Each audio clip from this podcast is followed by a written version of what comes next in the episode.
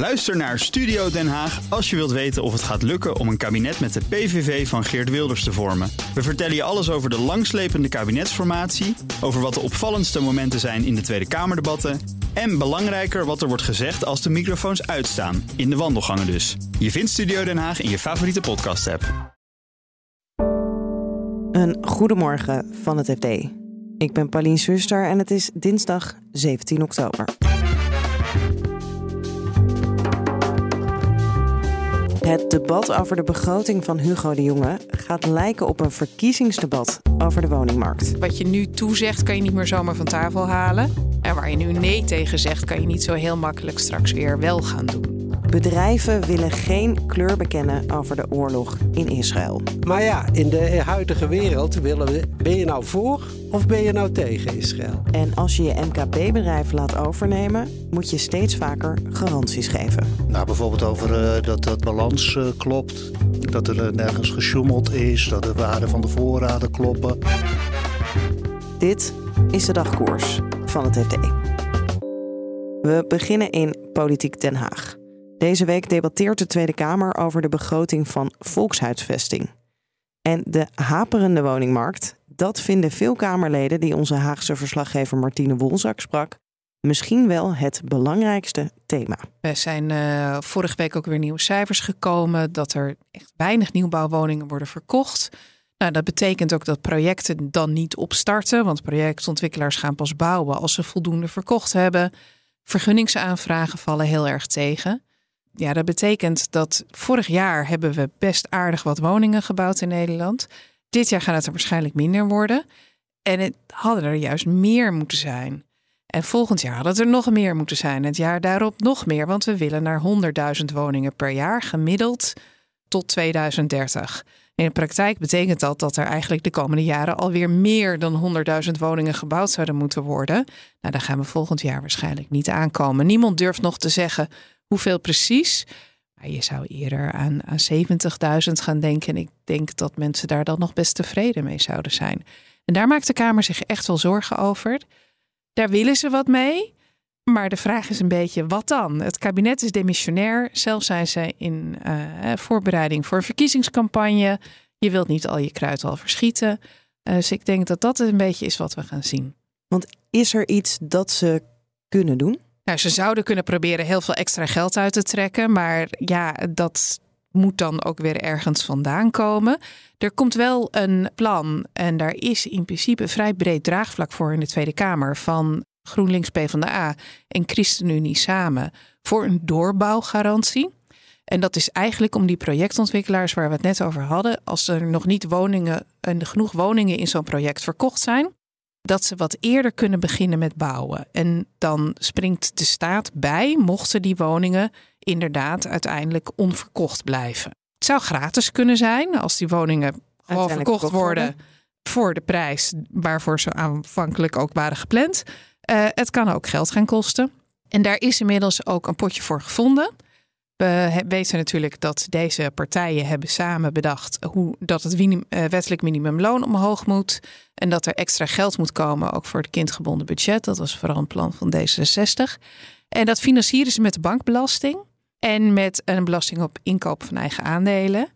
En aanvankelijk was dat pakket net niet ruim genoeg. Toen hebben ze hun ambities iets naar beneden bijgesteld. En nu hebben ze geld over. En dat is zo'n 600 miljoen.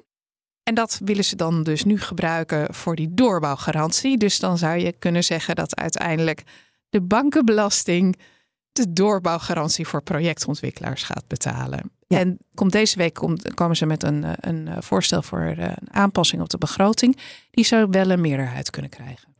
En de andere grootste plannen die Hugo de Jonge had uh, aan het begin, komt daar nog iets van terecht of ligt dat allemaal stil tot een volgend kabinet? Nou, um, zoals uh, bijvoorbeeld Henk Nijboer zei van uh, de P van de A, dit is een minister die niet van stoppen weet. En ik denk dat we dat ook wel gaan zien in het debat. Alleen het wetsvoorstel bijvoorbeeld, waar hij veel belang aan hecht voor betaalbare huren, zoals dat dan heel mooi heet, met een mooie propagandistische naam, zal niet iedereen het mee eens zijn. Uh, dat ligt nog bij de Raad van State. Dus officieel staat het niet op de agenda in het debat. Maar in de praktijk zal het er natuurlijk zeker over gaan. De VVD heeft inmiddels al hardop gezegd van ja, wij hebben er echt geen zin in. Terwijl ze als regeringspartij waren ze nog wel gebonden aan deze afspraken uit het coalitieakkoord. Ja, nu voelen ze zich wel echt vrij in aanloop naar de verkiezingen om te zeggen: zo willen wij het in ieder geval niet gaan doen. Maar andere partijen zijn nog wel voorstander. Dus ik denk dat het daar ook zeker uh, over zal gaan. En dan is er nog een tweede wetsvoorstel, wat echt wel belangrijk was voor dat pakket van, uh, van Hugo de Jonge. Dat is de uh, wet regie op de volkshuisvesting. Ook weer zo'n prachtige ronkende naam. En daar staat bijvoorbeeld in dat er een bepaald percentage van nieuw te bouwen woningen altijd uh, sociaal of betaalbaar moet zijn, zoals dat dan heet. Ja. Dus dat je dat met een beetje normaal inkomen zou moeten kunnen kopen, dat huis. En dan denken ze aan ongeveer 355.000 euro. Nou, ook die komt voorlopig nog niet naar de Kamer. Dus die gaan pas na de verkiezingen behandeld worden. Maar partijen gaan er vast en zeker wel wat over zeggen.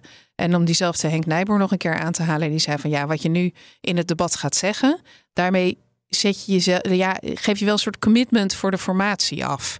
Dus wat je nu toezegt, kan je niet meer zomaar van tafel halen. En waar je nu nee tegen zegt, kan je niet zo heel makkelijk straks weer wel gaan doen.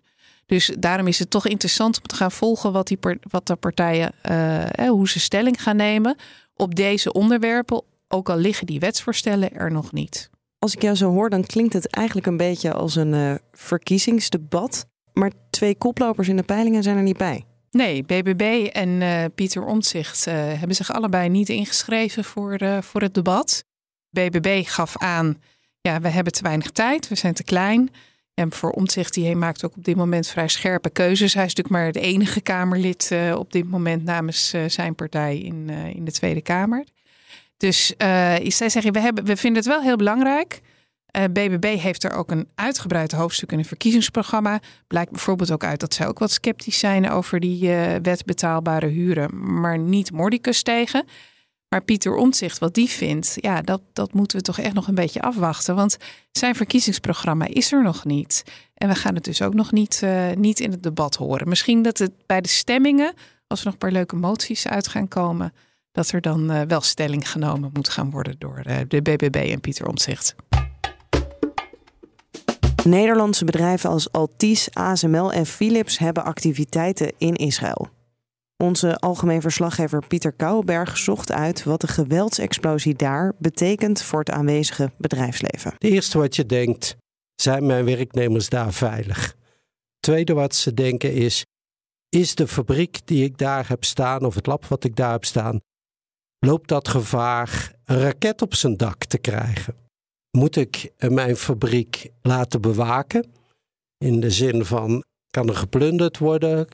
Dan gaan ze vragen, moeten wij onze mensen evacueren? Want als je gaat wachten op uh, buitenlandse zaken of de officiële sets, duurt ze allemaal veel te lang. Dan regelen ze dat zelf. De tweede vraag is, en daar hebben ze hele gespecialiseerde adviesbureaus voor. Dat zijn, je moet je voorstellen, er zijn een paar bureaus in de wereld die uh, bemenst worden door voormalige, noem maar even populair, spionnen van MI5, MI6, topambtenaren van buitenlandse zaken. En die vragen ze van, maak eens een risicoanalyse voor mij. Hoe groot is de kans dat dit gaat escaleren? En dan is de derde vraag, uh, oké, wat daar gemaakt wordt, want die fabriek die ligt dan even stil. Hè? De mensen zitten thuis.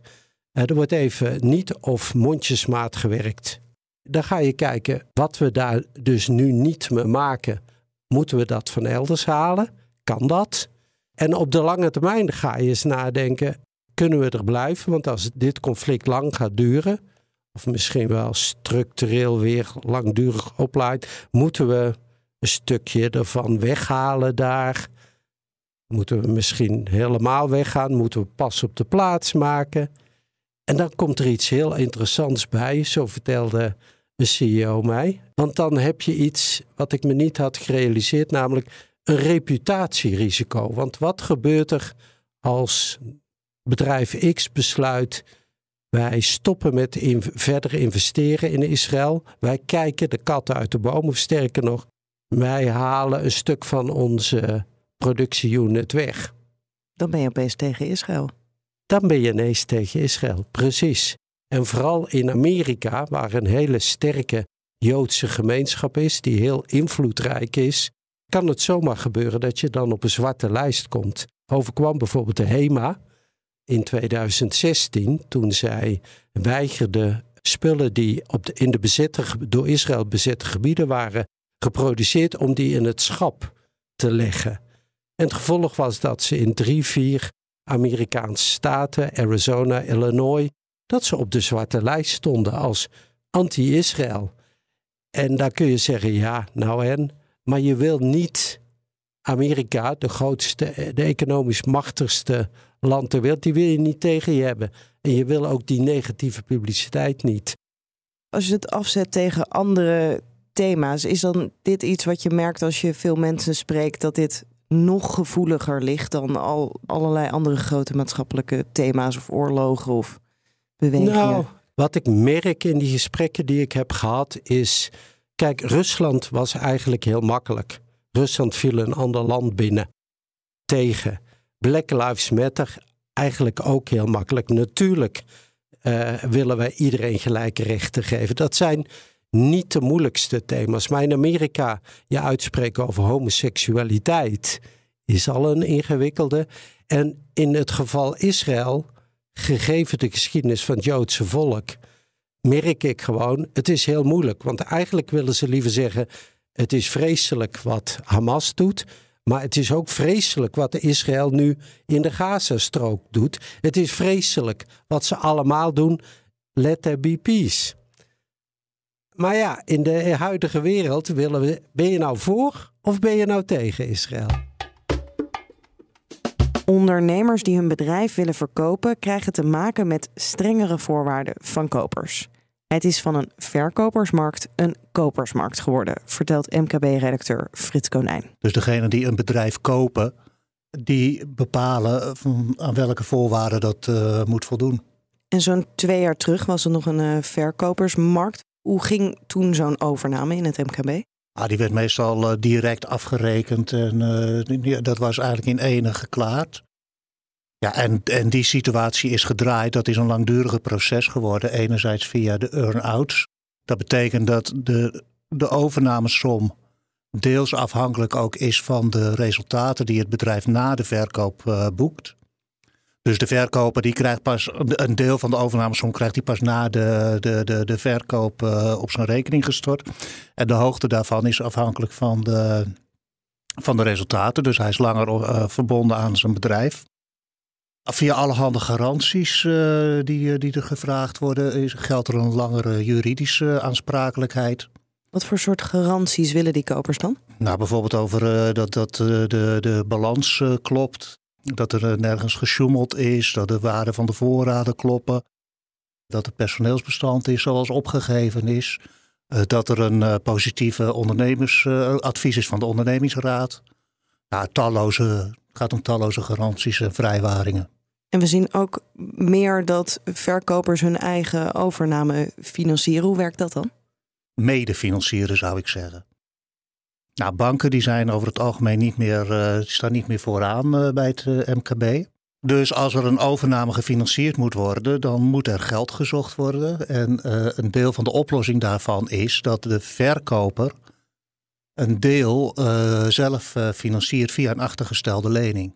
Ja, als alles goed gaat, krijg je dat met rente terug. Ja, want achtergesteld betekent wel dat je, mocht het misgaan, ook achteraan de in de rij staat. Ja, dan sta je achter bij de andere schuldeisers. Dat is het karakter van achtergestelde. In, in de regel krijg je daar dan wel een hogere rentevergoeding voor. Ja, en zijn er nog andere manieren waarop verkopers zichzelf uh, aantrekkelijker proberen te maken?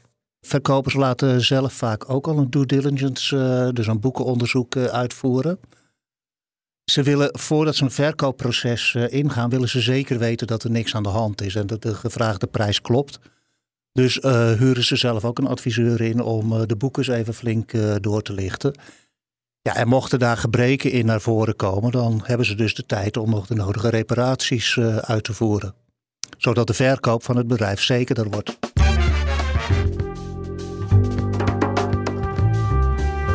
Dit was de dagkoers van het FD. Het laatste nieuws dat volg je op fd.nl of in de FD-app. En morgenochtend zijn wij er weer met een nieuwe dagkoers. Als je abonneert op ons in je podcast-app, dan krijg je die automatisch binnen. Voor nu een hele fijne dag en graag tot morgen.